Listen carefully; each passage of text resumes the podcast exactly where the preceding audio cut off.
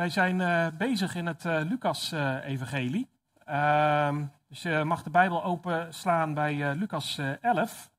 En um, um, ja, ik, ik, was aan de beurt om, om, om, om te spreken over Lucas 11 vanaf vers 37. Um, ja, en dat is zo'n gedeelte waar, waar Jezus uitgebreid ja, gaat klagen. Ehm, en en een, een, serieuze aanklacht geeft tegen de Fariseeërs. En ja, nu is dat zo'n typisch zo'n gedeelte dat je dan kunt lezen en dan kunt denken. nou ja, dat gaat over die Fariseeërs. Dat, zo ben ik natuurlijk niet.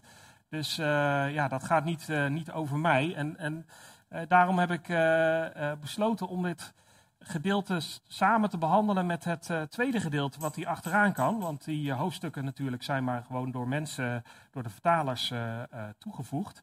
En het lijkt er wel op dat de boodschap van de Heer Jezus tegen de fariseeërs, maar ook vervolgens tegen de discipelen, dat dat wel echt één geheel is en ook wel echt de bedoeling is om daar zeg maar gelijktijdig over na te denken. Vandaar ook dat ja, de, de titel voor vandaag uh, ook uh, wel heel persoonlijk is van ja, ik een fariseer.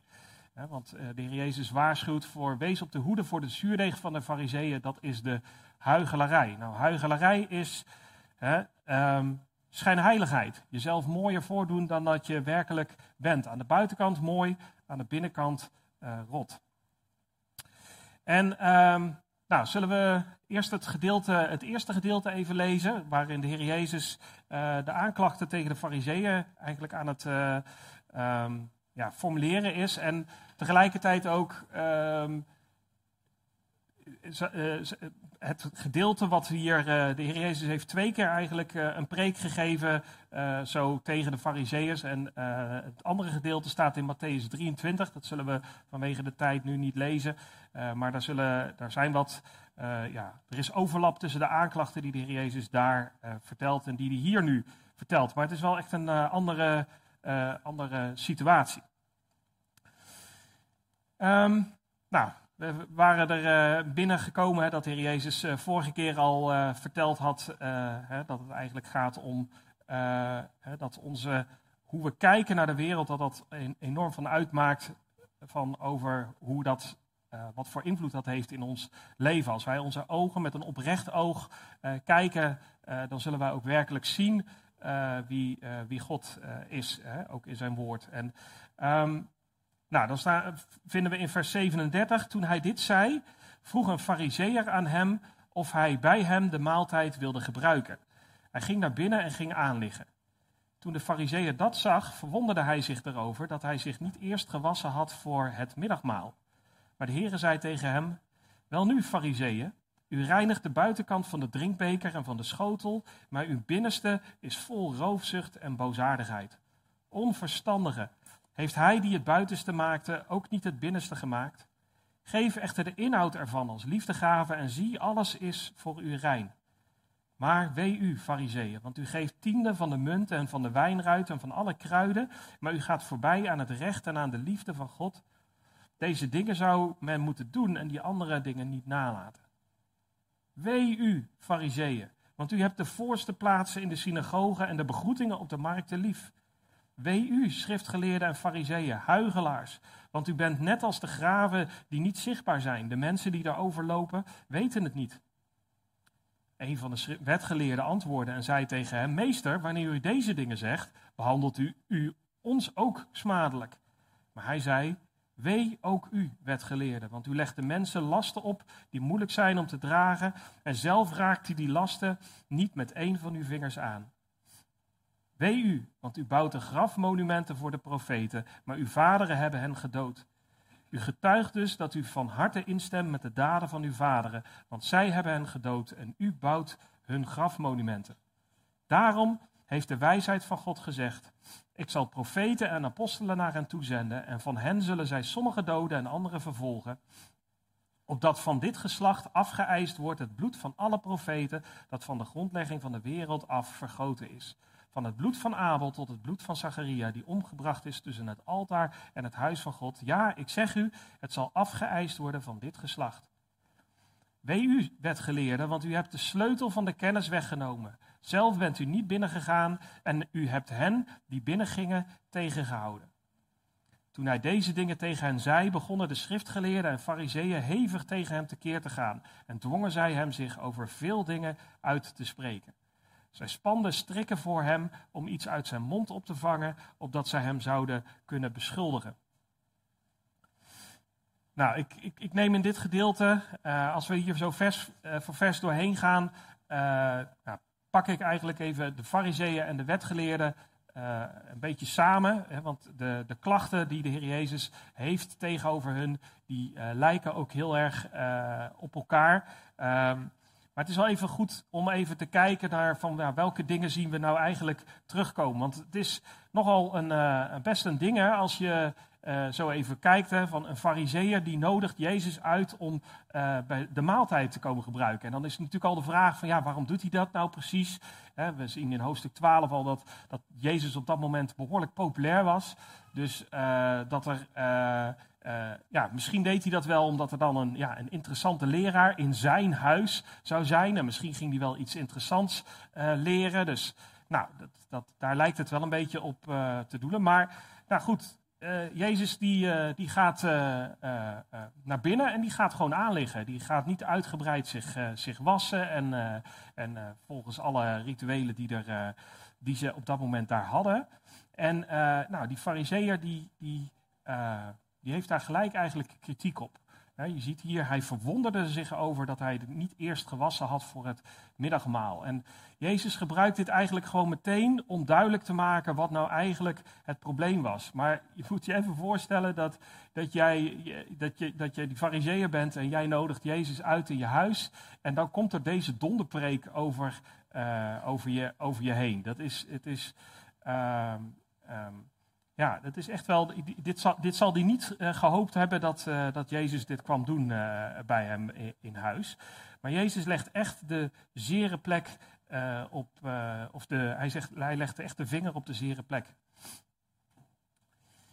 Want ja, de Heer Jezus, op een of andere manier, het lijkt erop dat de Heer Jezus hier um, van die verwondering van die fariseeën, dat hij daar hoogte van krijgt. En, en de Heer Jezus die zegt dan tegen die fariseeën, nou, wel nu, farisee, u reinigt de buitenkant van de drinkbeker en van de schotel, maar uw binnenste is vol roofzucht en boosaardigheid. Onverstandige heeft hij die het buitenste maakte ook niet het binnenste gemaakt. En hij geeft hier eigenlijk meteen een punt van kritiek aan deze groep mensen. En hij zegt eigenlijk van jongens, jullie zijn bezig met de buitenkant in plaats van met de binnenkant. Jullie zijn bezig met allemaal mooie regeltjes, mooie, mooie, eh, eh mooie dingen aan het, aan het de reinheidswetten die er waren. En dat, dat, was natuurlijk allemaal hartstikke goed. Maar zij waren zich alleen maar bezig met de buitenkant. Maar hij maakt duidelijk van jongens, jullie binnenste zit vol roofzucht en uh, kwaadaardigheid, boosaardigheid.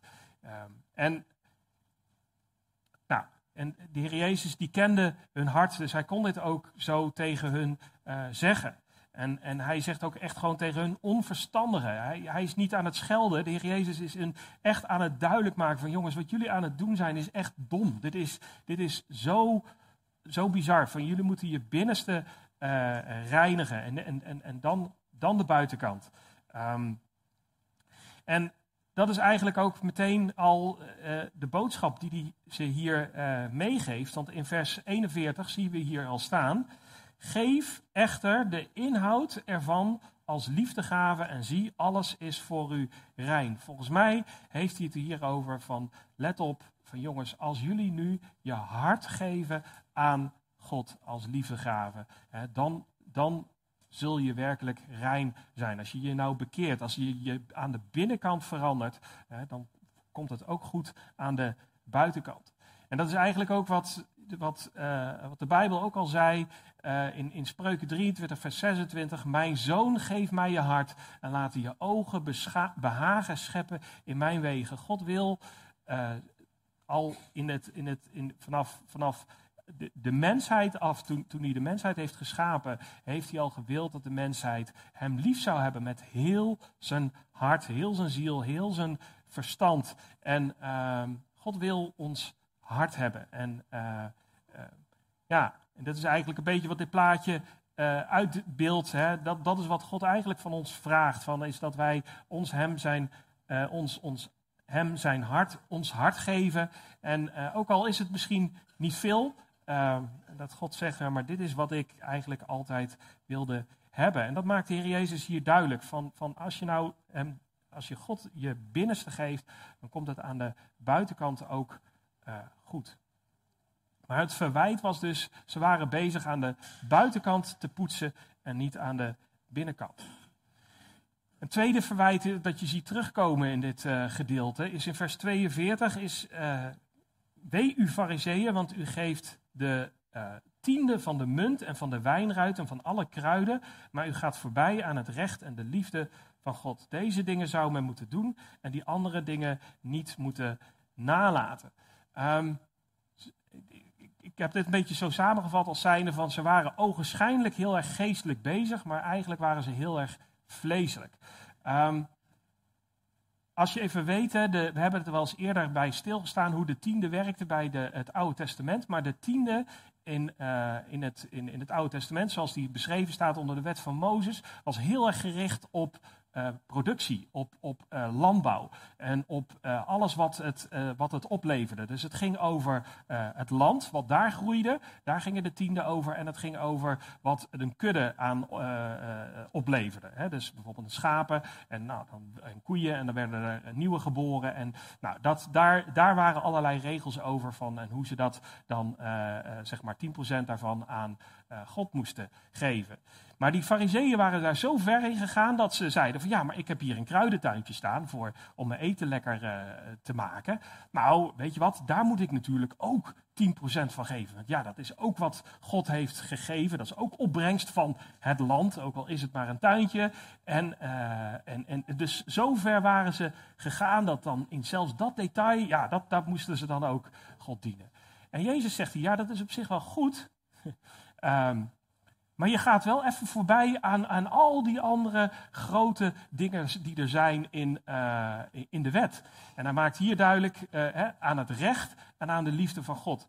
En uh, in Matthäus maakt hij ook duidelijk dat ze ook voorbij gingen aan het geloof. Ze, ze gaan voorbij aan het allerbelangrijkste, hè, maar ze, een klein detail, dat houden ze dan heel nauwkeurig.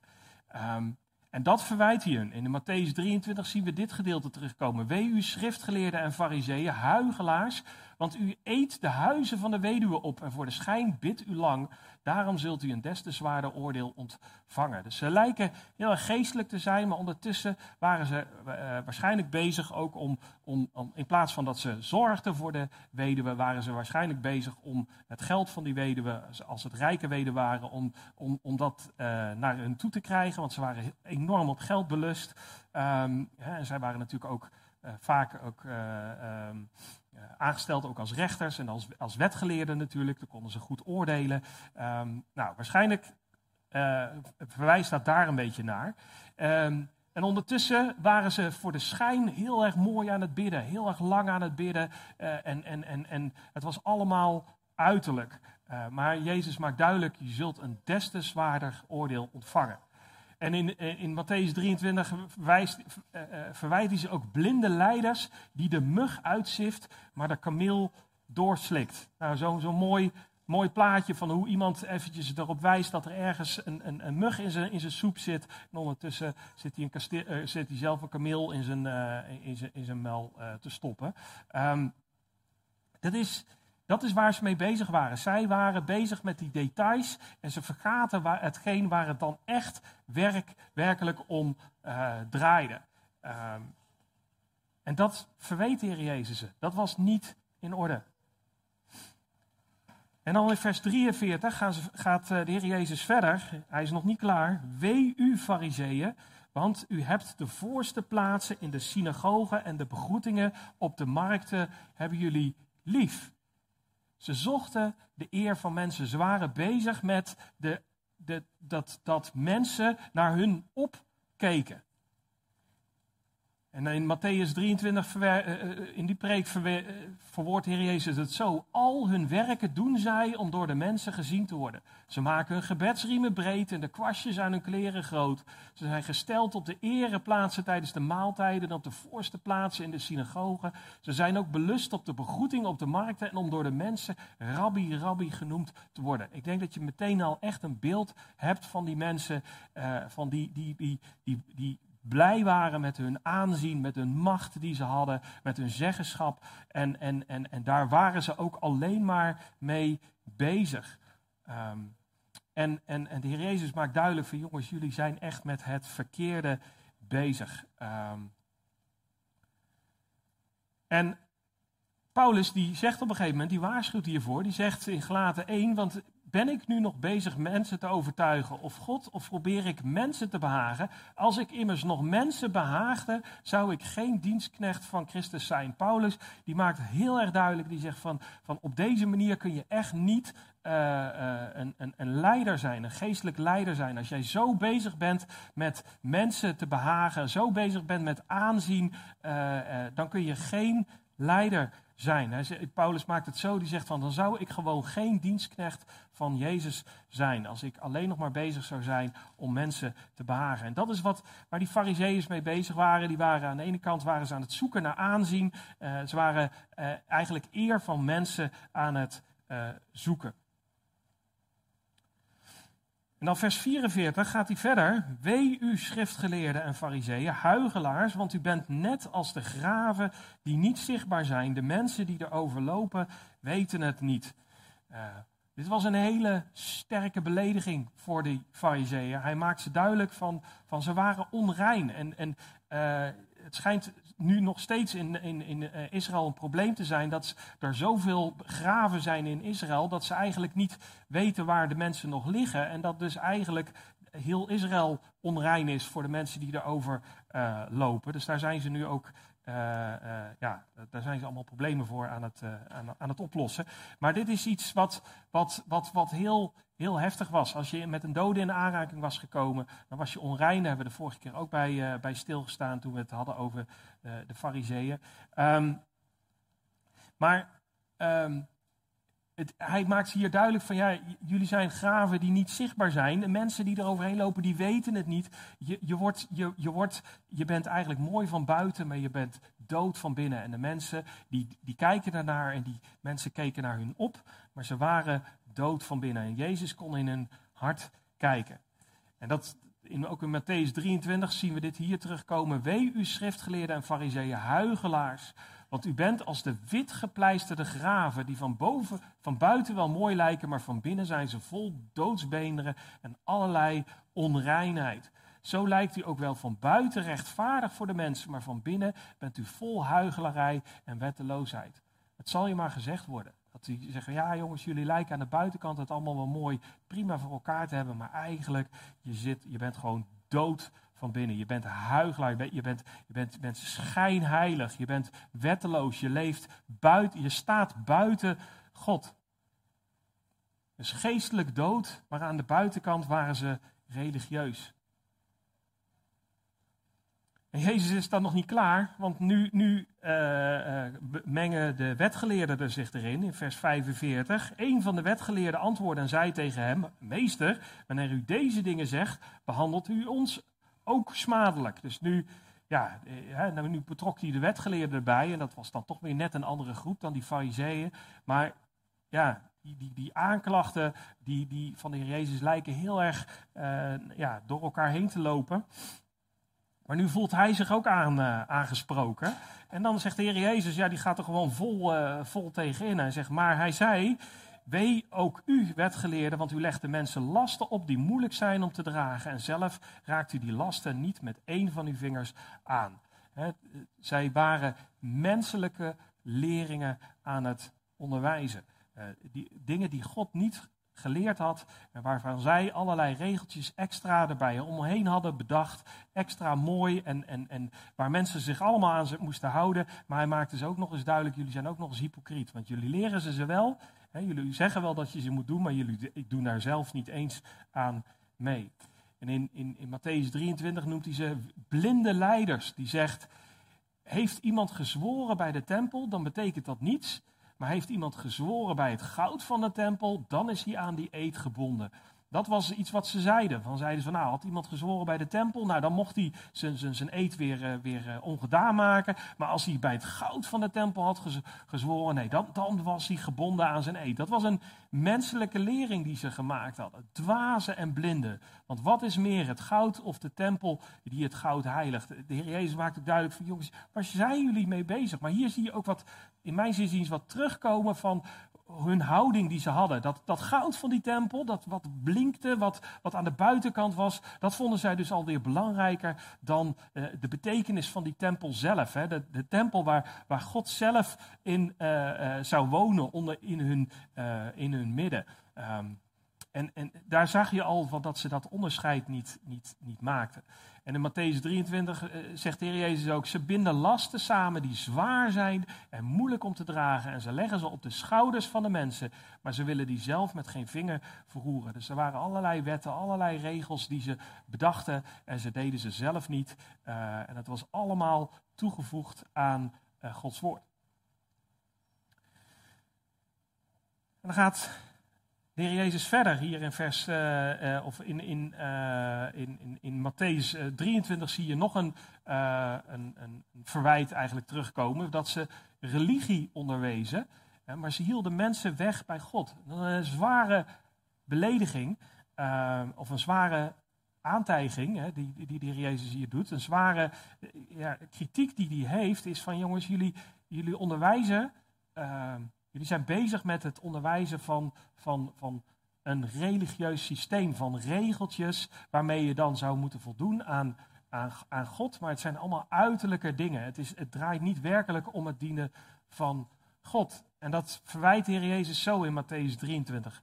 Wee u schriftgeleerden en fariseeën, huigelaars, want u sluit het koninkrijk der hemelen voor de mensen. U gaat er immers zelf niet binnen en hen die er binnen willen gaan, laat u er niet binnengaan. Ze hadden een, een, een, een eh, zij, zij, het systeem wat ze hadden opgetuigd zorgde er ook voor nu dat, dat de mensen uh, toen de, de, Messias voor de deur stond, um, uh, niet geloofden. En dat ze, ze, ze, ze waren ook, hè, dat zullen we zo meteen ook zien in, hier in, in, in Lucas 11, ze waren ook bezig met juist Jezus aan te klagen. Ze waren bezig om, om hem, om hem uh, aan het, aan het te, te, te, doden. Ze waren aan het zoeken om hem te doden. En het, het, het andere verwijt wat de Heer Jezus heeft tegen ze: Wee u schriftgeleerden en fariseeën, huigelaars. Want u reist zee en land af om één proseliet te maken. Een proseliet hè, was iemand die, zich, die, die nog niet bij, die geen Jood was, maar die uiteindelijk zich bekeerde tot het Jodendom. Dan was je proseliet en dan mocht je erbij komen. Maar dan zei hij, als hij het geworden is, maakt u hem een kind van de hel, dubbel zo erg als u. Ze waren bezig met een heel religieus systeem, maar ze gingen daarvoor zelfs de straat op. Ze gingen zelfs, zeg maar, evangeliseren. Uh, maar ze waren een dode religie aan het promoten. Ze waren dood van binnen. Um, en, en, en, um, nou, dit kregen zij dus allemaal over hun heen. En dan zien we in, in, Lucas 11, vers, uh, vers 53, hebben we net gelezen.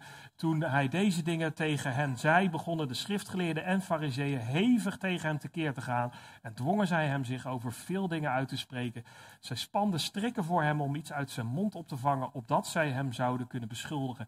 Dit is, dit, eh, het was nu oorlog tussen Jezus en, en de schriftgeleerden en fariseeën. Eh, ze, ze waren constant bezig om hem uh, te pakken op zijn woorden.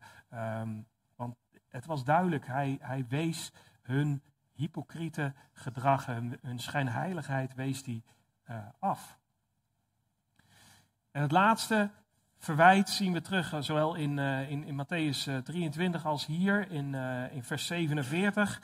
Wee u, want u bouwt de grafmonumenten voor de profeten, maar uw vaderen hebben hen gedood. U getuigt dus dat u van harte instemt met de daden van uw vaderen, want zij hebben hen gedood en u bouwt uw, hun grafmonumenten.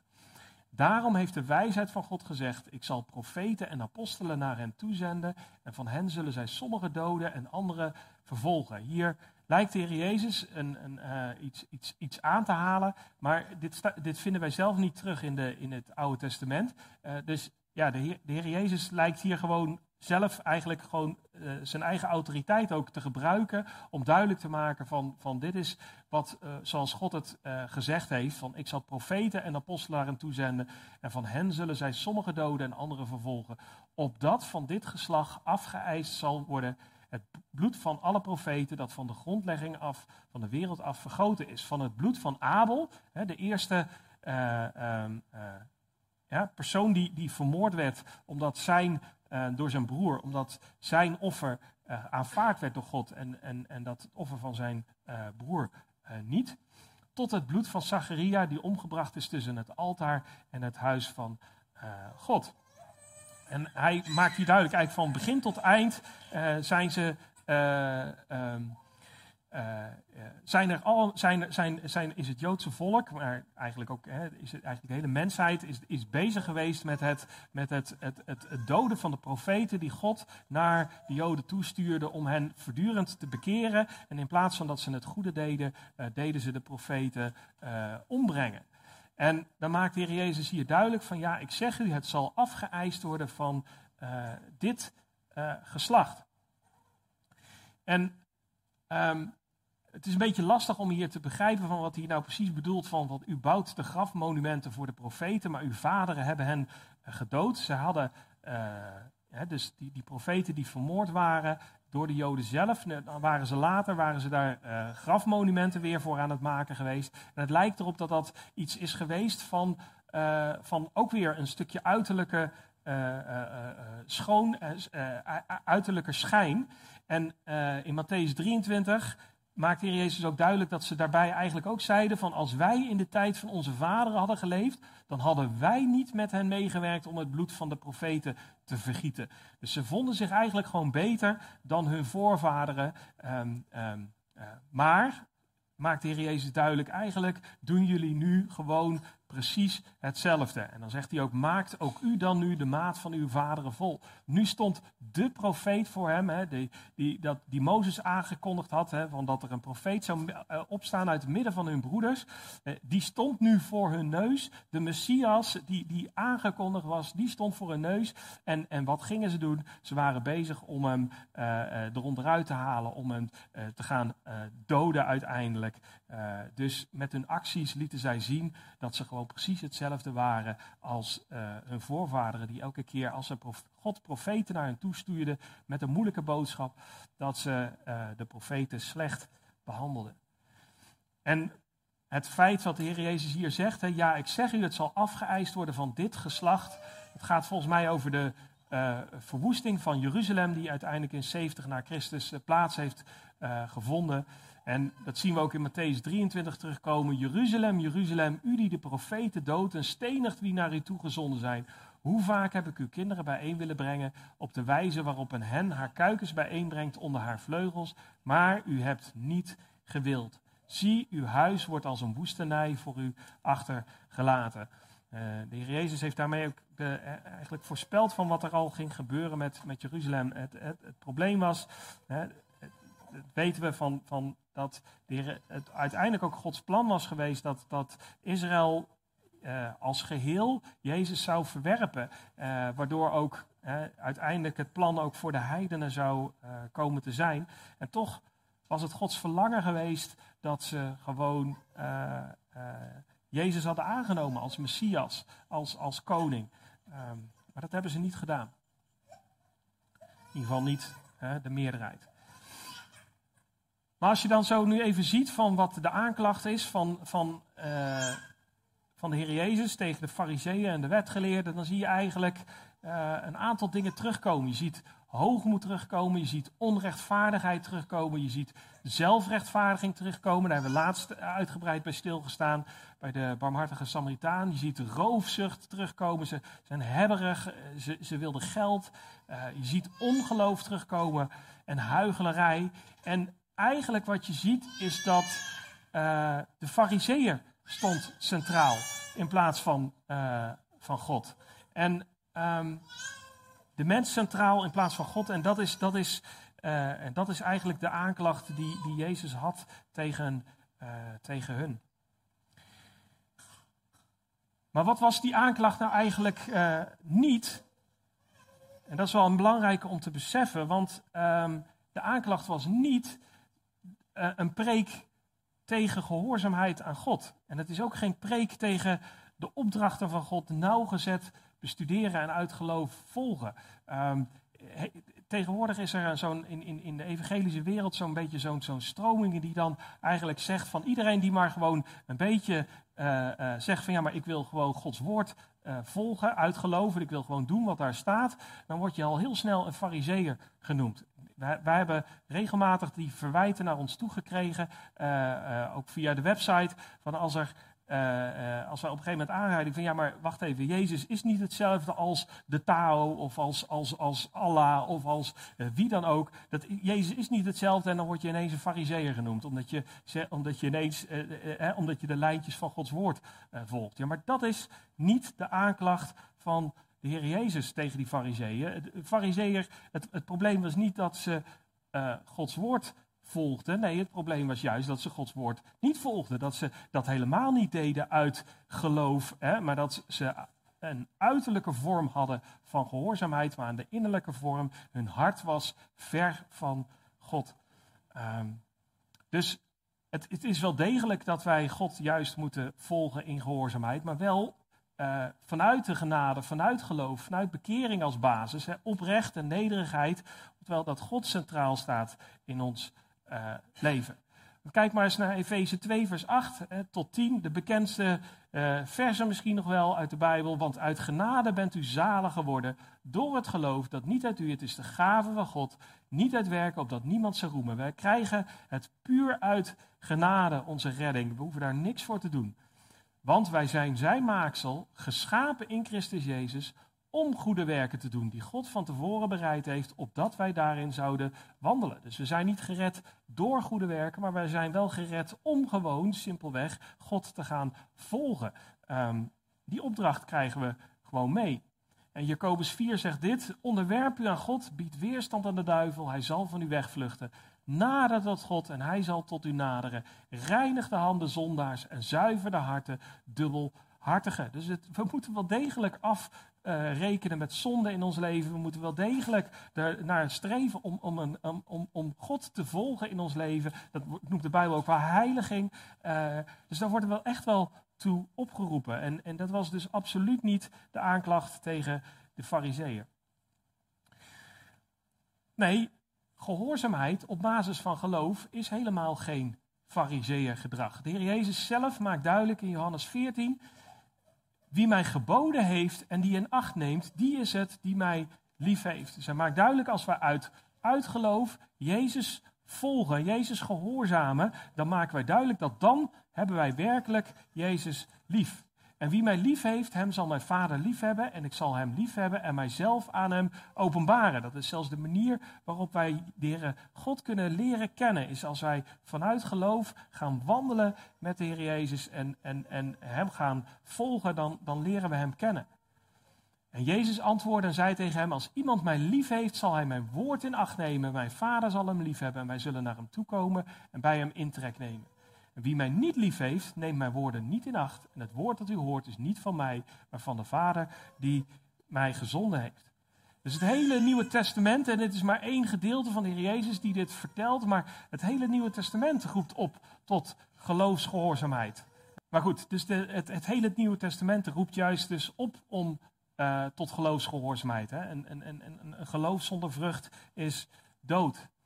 Maar zeggen sommige mensen, ja, maar wacht even, er staat toch een tekst in de Bijbel dat we ons geen juk op moeten laten leggen. In Galaten 5 vers 1, sta dan vast in de vrijheid waarmee Christus ons vrijgemaakt heeft en laat u niet weer met een juk van slavernij belasten. Ah, dit zegt toch tegen ons dat we, we moeten allemaal niet meer zo moeilijk doen en we moeten dus niet allemaal weer die regeltjes gaan vormen, volgen. En waar, kom je nou mee aanzetten, Onno? Dat is, dat is helemaal, nee, kom op, kom op. Dit, deze tekst zegt echt toch dat we vrij zijn en, en nee, kom op, dan ben je een fariseer als je, als je je weer aan uh, aan, aan, de aan, aan, aan, aan de regeltjes van, van, van de Bijbel gaat houden.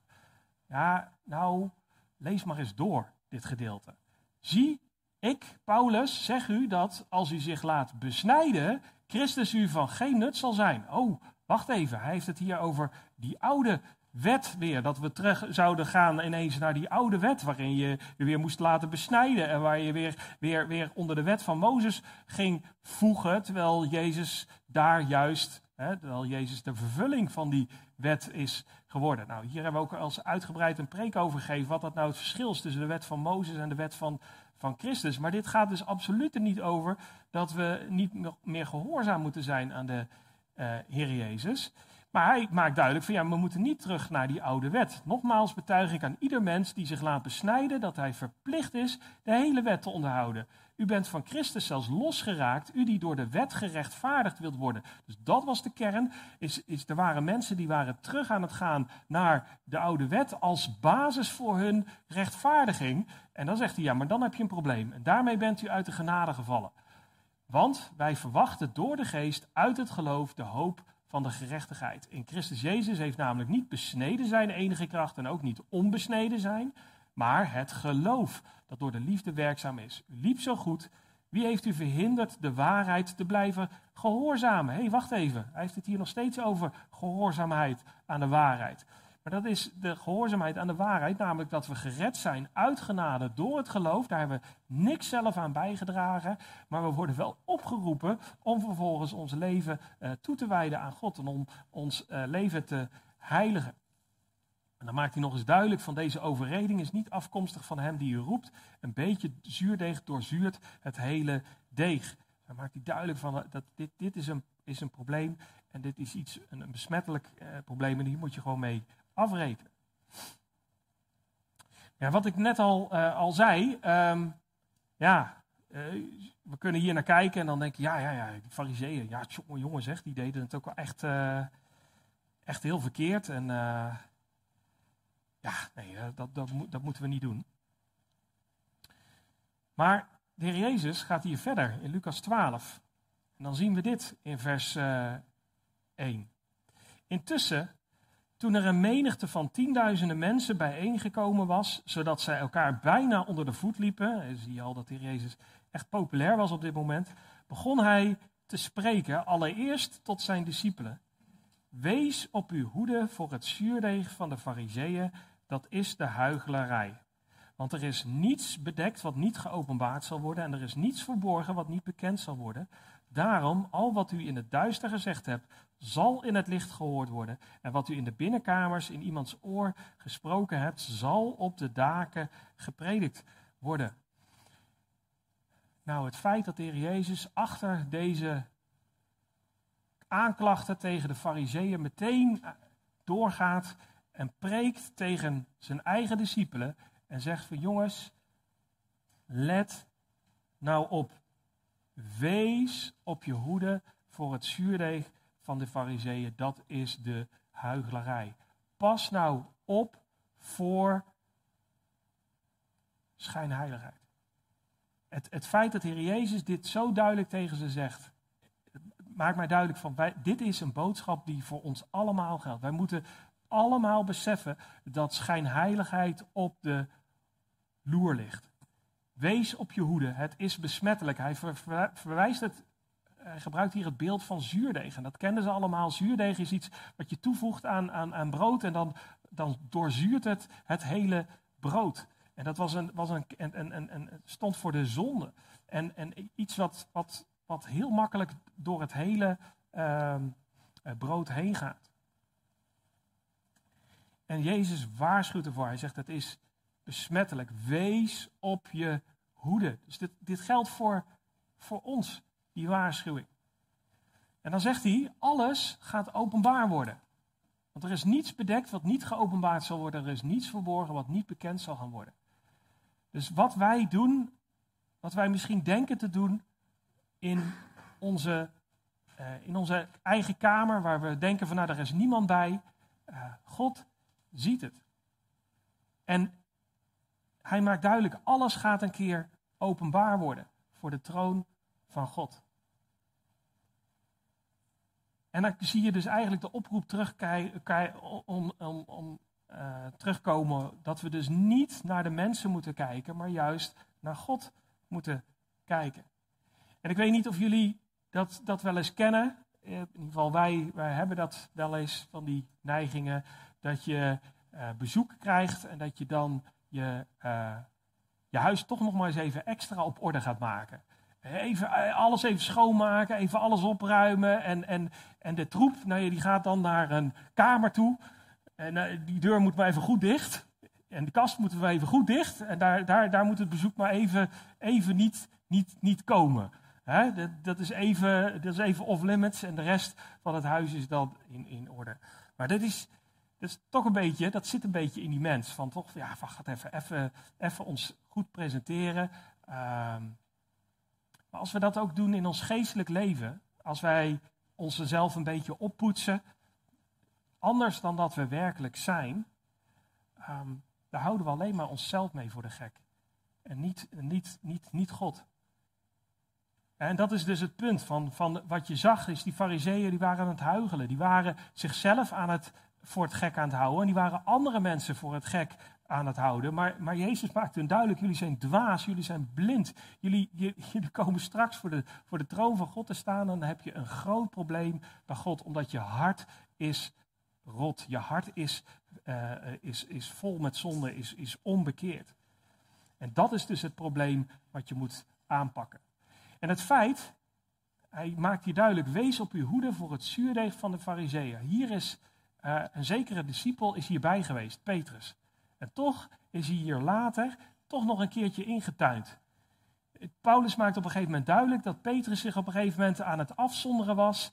Uh, uh, van de, uh, uit vrees voor hen die van de besnijdenis waren. Dus waren Joden die tot geloof waren uh, gekomen. En, en, en, en wat hij deed was, hij, hij, hij zonderde zich af van de heidenen die tot geloof waren gekomen. En dan kwamen er ook andere Joden en die gingen met hem mee huigelen, zodat zelfs, zelfs Barnabas zich door hun huigelerij liet meeslepen. Dus hij, hij maakte duidelijk van, ja goed, hij had Barnabas kennelijk op een bepaalde hoge lat staan, maar zelfs Barnabas ging mee huigelen. Zo, zo gevaarlijk is huigelerij. Als, als, als de grote Petrus, als, als de grote Barnabas, als die zich laten kunnen misleiden uh, in een stukje schijnheiligheid, um, dat is gevaarlijk.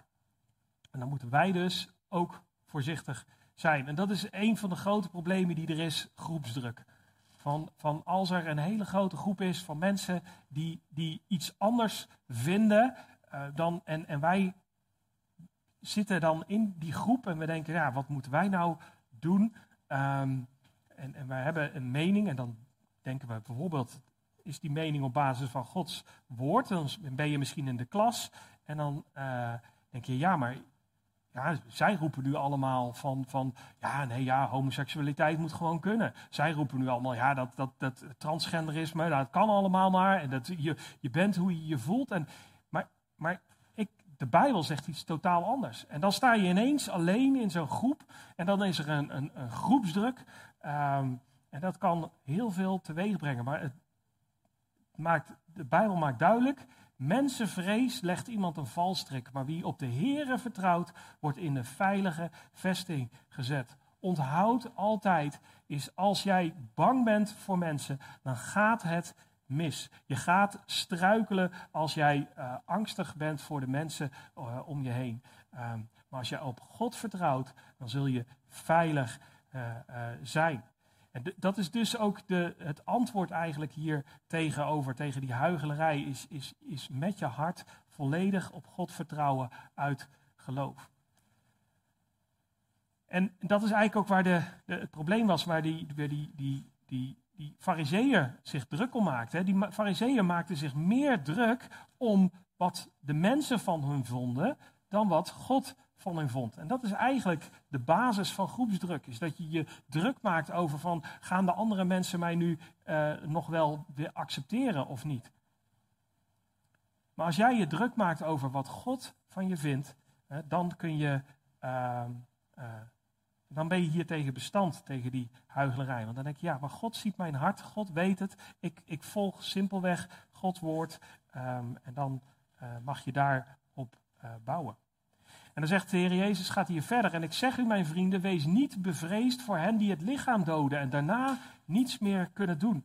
Maar ik zal u laten zien voor wie u bevreesd moet zijn. Wees bevreesd voor hem die, nadat hij gedood heeft, ook macht heeft in de hel te werpen. Ja, ik zeg u, wees bevreesd voor hem.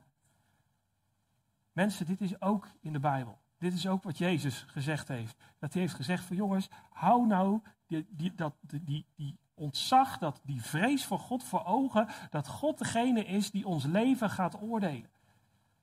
Dus denk er niet mee weg te komen van, van ja, ja, goed, de wereld om me heen denkt dat ik het allemaal wel prima voor elkaar heb. Ehm, maar diep in mijn hart, uh, of, of op, op, mijn, op mijn zolderkamertje of wat dan ook, doe ik allerlei dingen die, die niet door de beugel kunnen. Um, dan zegt Jezus, wees bevreesd voor hem die nadat hij gedood heeft ook macht heeft in de hel te werpen. We moeten niet bang zijn voor mensen. Mensen kunnen je alleen maar doden. Dat is eigenlijk wat Jezus zegt. Mensen kunnen je alleen maar doden. Ik, ja, maar dat is toch heel veel, want dan is je leven over. Ja, nee, Jezus maakt juist duidelijk, als je een kind van God bent, dan is jouw leven dan helemaal niet over. Uh, dan ben je vervolgens in, in een eeuwig leven bij God. Maar als je, um, als je ongelovig bent, als jij niet het uh, vertrouwd hebt op het offer van de Heer Jezus, dan heb je een groot probleem. Want dan komt het eindoordeel en dan gaat God jouw leven oordelen. En we hebben allemaal gezondigd. En we moeten allemaal dan voor die troon van God staan en zeggen, ja, ik heb gezondigd. En dan, dan is het oordeel van, van God als wij niet het offer van de Heer Jezus aanvaard hebben voor ons eigen leven, voor onze schuld, dan, dan, dan zal God ons schuldig moeten verklaren. En dan zal God ons naar de hel moeten sturen. Omdat God een, een rechtvaardige rechter heeft. En daarom moeten we in die zin bevreesd voor God zijn. God is degene die gaat oordelen over ons leven. En tegelijkertijd is daar die genade waarvan kunnen we zeggen van als we op de Heer Jezus vertrouwen, als wij, uh, als wij Hem geloven, dat we uh, niet meer bang hoeven te zijn voor oordeel, zegt de Romeinen 5. Want wij hebben vrede bij God uh, gekregen door het geloof. En dan gaat de Heer Jezus hier nu ook over verder. Worden niet vijf musjes voor twee pennekes verkocht en niet één ervan is bij God vergeven, vergeten. Hij heeft het nu weer over die mensen die wel op God vertrouwen, wel, op, uh, wel in God geloven. Ja, ook de haren van uw hoofd zijn alle geteld. Wees dan niet bevreesd, u gaat veel, veel musjes te boven. En ik zeg u, ieder die mij beleiden zal voor de mensen, die zal ook de zoon des mensen beleiden voor de engelen van God. Maar wie mij verloochenen zal voor de mensen, die zal verlogend worden voor de engelen van God. Dus hij zegt opnieuw, wees niet bang voor mensen of voor situaties. God, die kent je en die zal je niet vergeten. Als zelfs zo'n musje dat gewoon maar een beetje voor, voor een klein bedragje verkocht werd om, om, om of geofferd te worden. Um, als, als, ook die ervan, de kleinste ervan, die is niet bij God vergeten. En zelfs de haren van ons hoofd zijn alle geteld. Dus ik weet niet hoeveel jij er denkt te hebben, uh, maar die zijn allemaal geteld. En, en dan zegt hij, wees niet bevreesd, u gaat musjes ver te boven. En dat is ook waar we op mogen vertrouwen, is hè, als de Bijbel ook zegt in Romeinen 10 vers 9, als u met uw mond de Heer Jezus beleidt en met uw hart gelooft dat God hem uit de doden heeft opgewekt, zult u zalig worden. Want met het hart gelooft men tot gerechtigheid en met de mond beleidt men tot zaligheid. Want de schrift zegt, ieder die in hem gelooft zal niet beschaamd worden. En dat is wat de Heer Jezus hier ook zegt. Van als, als jij de naam van de Heer Jezus beleidt voor de mensen om je heen, dan mag je die redding hebben. Dan mag je die zekerheid hebben van redding, van genade, van dat je voor eeuwig bij God zal zijn. Um, maar de Heer Jezus zegt wel, neem het serieus. Ga er, geen, ga er niet, niet mee lopen spelen. Als eigenlijk die fariseeën waren eigenlijk ermee aan het spelen. Waarbij ze met bepaalde vorm van, met bepaalde tradities, met bepaalde regeltjes uh, zich, zich eigenlijk goed aan het presenteren waren. Maar ze waren vooral bezig met zichzelf, met de mensen, met een religieus systeem. In plaats van werkelijk met God bezig. En de Jezus zegt van nou, Beleid mij nu gewoon voor de mensen uh, en ik zal jou ook beleiden voor de engelen van God.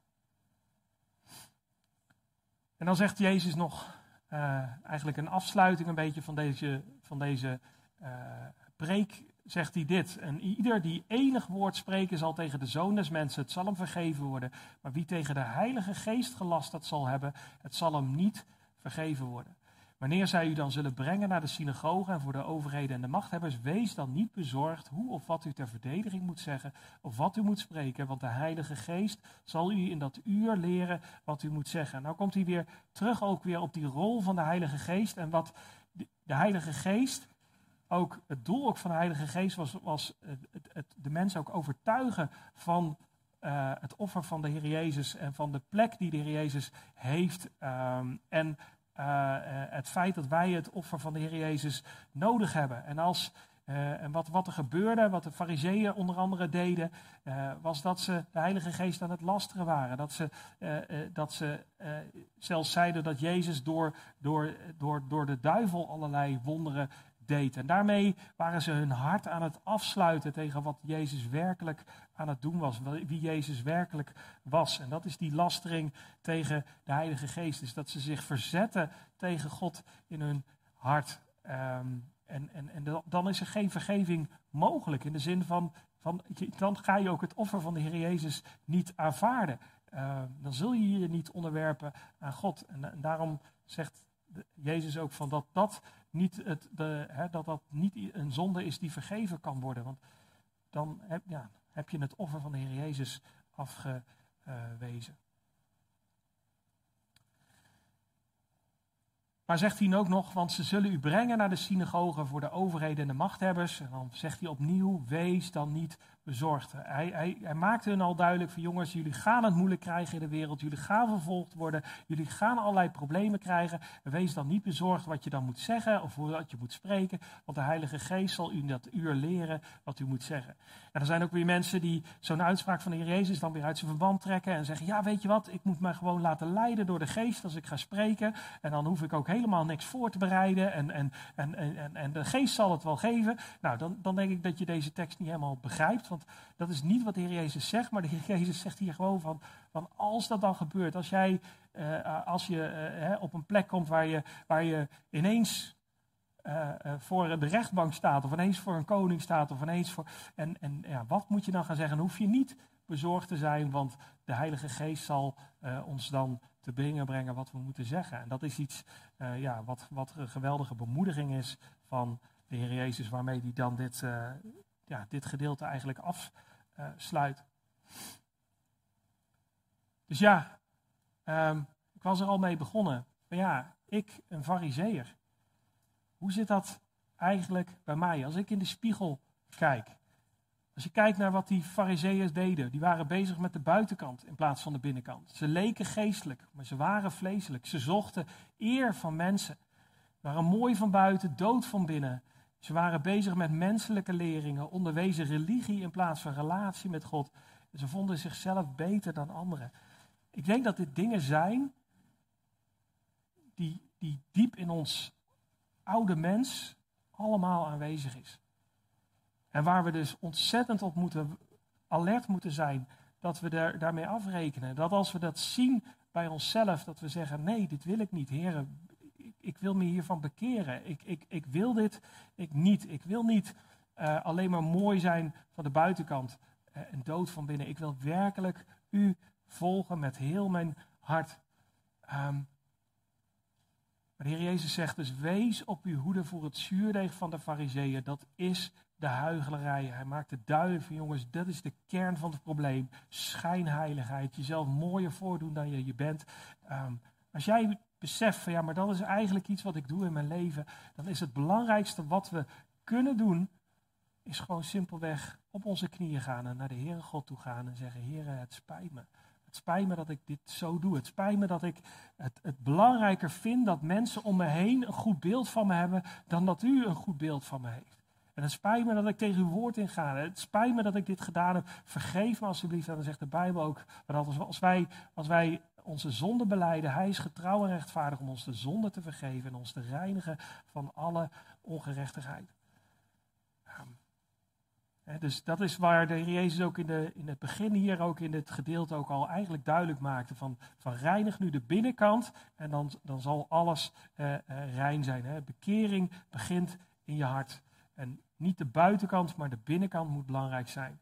En als laatste is dat we echt niet moeten verwarren dat wat wij hier, wat, we, wat, wat religie kan worden. Hè, dus dat je, het kan een gewoonte worden om naar de kerk te gaan. Het kan een gewoonte zijn om het avondmaal te vieren. Het kan een gewoonte te zijn om, om met je handen omhoog te zingen. Dat, kan al, dat zijn allemaal uiterlijke vormen.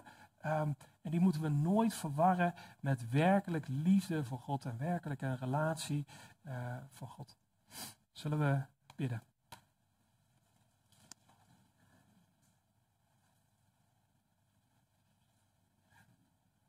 Vader in de hemel, grote God,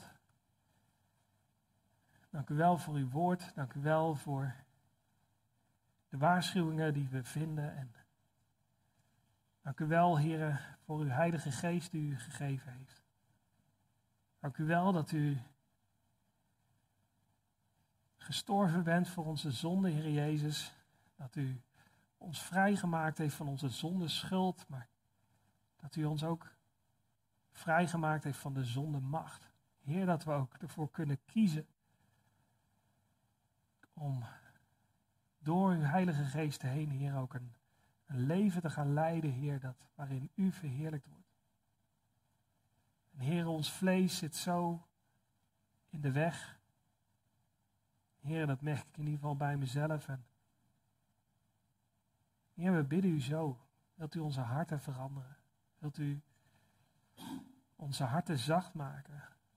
Dat als we dingen tegenkomen in ons leven waarvan we merken dat het niet klopt met, met wat u zegt in uw woord, Heer, dat we het niet gaan oppoetsen naar anderen toe, Heer, maar dat we het werkelijk gewoon onze zonde beleiden naar u toe.